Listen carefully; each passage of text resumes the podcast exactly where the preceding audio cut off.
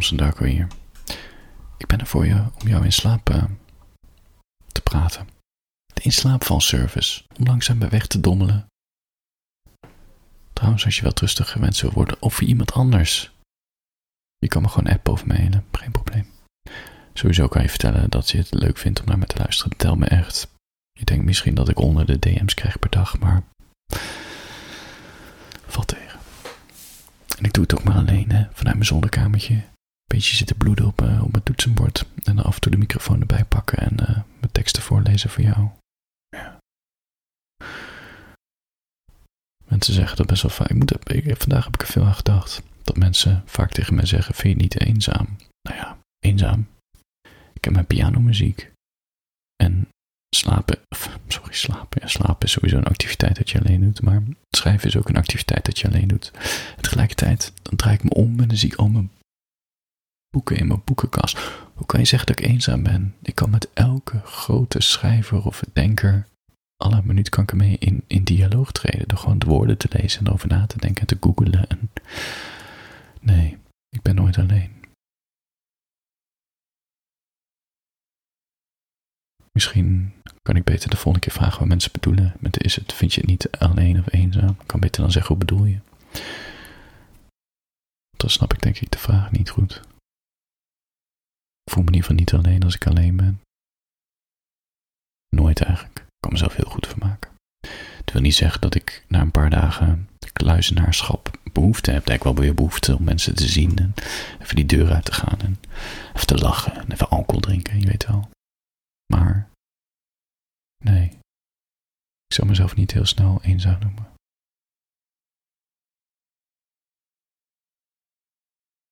Voor je gaat slapen. Ik heb een verhaaltje geschreven die heet Toen ik jouw naam zei tegen mijn vriendin in plaats van dat van mijn geliefde. Auw. Ik ga hem voorlezen. ik zei je naam per ongeluk tegen mijn beste vriendin terwijl ik mijn geliefde bedoelde.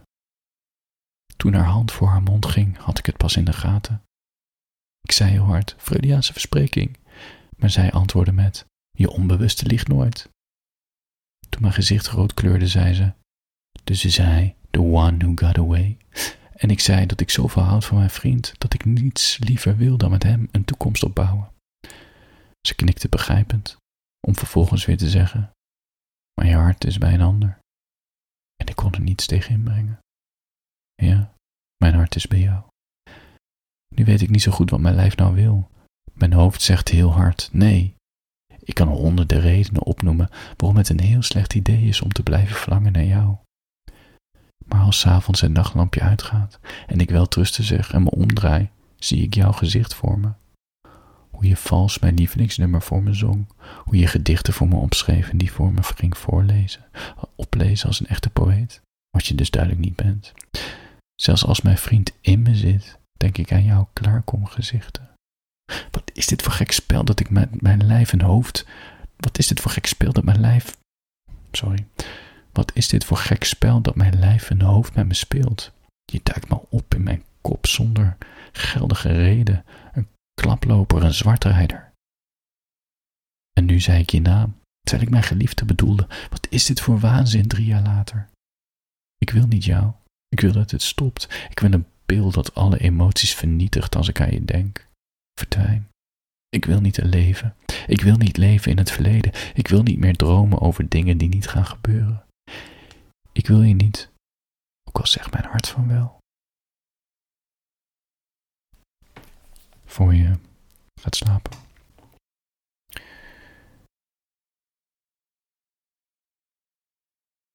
Ik reduceer mezelf dus best wel graag tot een biologische machine. Een of andere manier houd ik wel van die beeldspraken. Weet je, liefde is niets meer dan wat aangemaakte stofjes die ons tijdelijk in de manische bui brengen. Weet je, de verminderde eetlust, de vlinders, het obsessief denken aan een ander, het gevoel van exclusief willen seksen met die ene. Weet je, dat is allemaal trucjes van de moeder natuur. Allemaal dienen tot één doel, tijdelijke verbondenheid om je voor te planten. En misschien wil ik het ook wel zo zien. Als antwoord op de naïeve dromers die geloven in Disney-sprookjes en prinsen op het witte paard en de ware en de soulmates en tweelingzielen. Denk eens rationeel na, denk ik dan. Ontmoetingen zijn slechts een samenloop van miljoenen omstandigheden. Er is niets magisch aan. Ja, ik word er of enorm rebels van, of enorm oppervlakkig. Dan knik ik mee met de dromer, zonder dat ik iets toevoeg aan het gesprek of het verhaal bestrijd, omdat soms discussie hebben met iemand ook leuk is. Maar als je diep in mijn hart kijkt, ben ik eigenlijk wel jaloers op hun beleving van de wereld. Mensen die geloven, bijvoorbeeld gewoon echt um, moslim, christen, joods. Noem de hele gattenplan maar. Sommige mensen die echt hun geloof beleiden, heet het zo, die kunnen dus de aanwezigheid van God voelen. En hoewel elke ervaring die we hebben slechts een gedachte van ons bewustzijn is, en hoewel elke emotie ontstaat in ons hoofd als een gedachte, voelen zij het wel echt. Zij voelen iets wat ik niet voel. Daar ben ik jaloers op. Dat is dat streepje dat de dromers, de naïvelingen en de gelovigen voor hebben op de rationele pessimisten van deze wereld.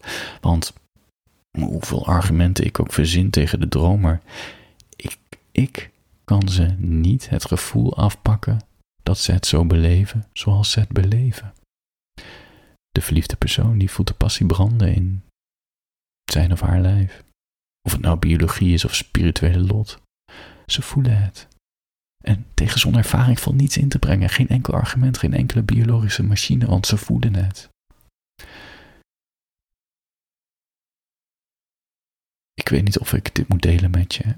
Of ik dan niet iets afpak van de dromers en wat romantiek teruggeef aan de denkers zoals ik, maar nou, misschien moet ik het gewoon doen.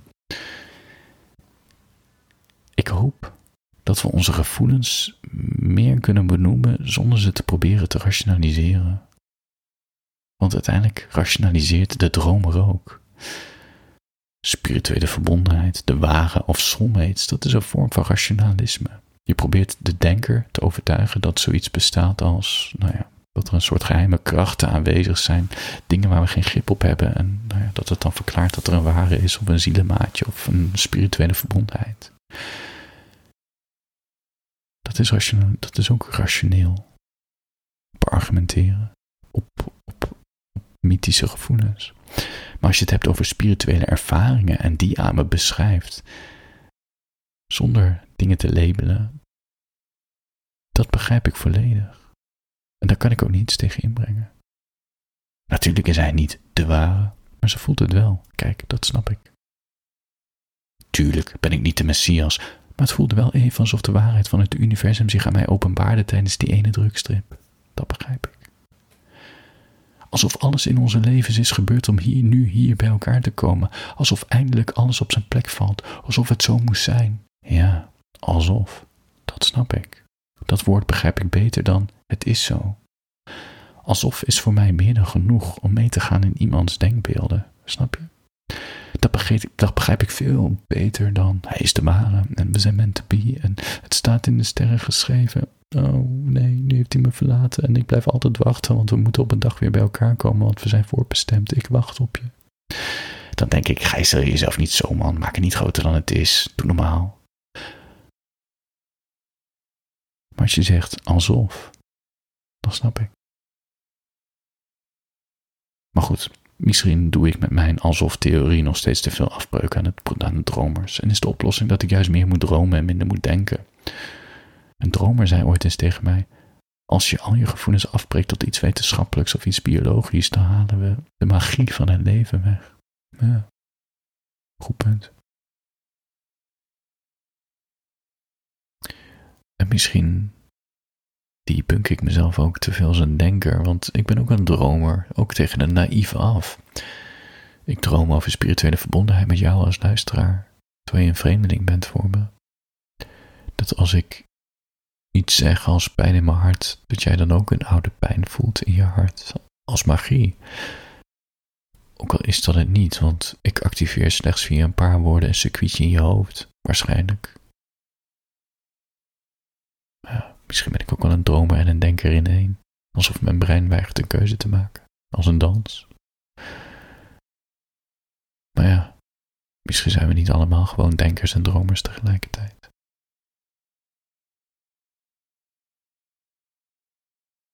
Voor je gaat slapen, handjes boven de dekens. Morgen nieuwe dag.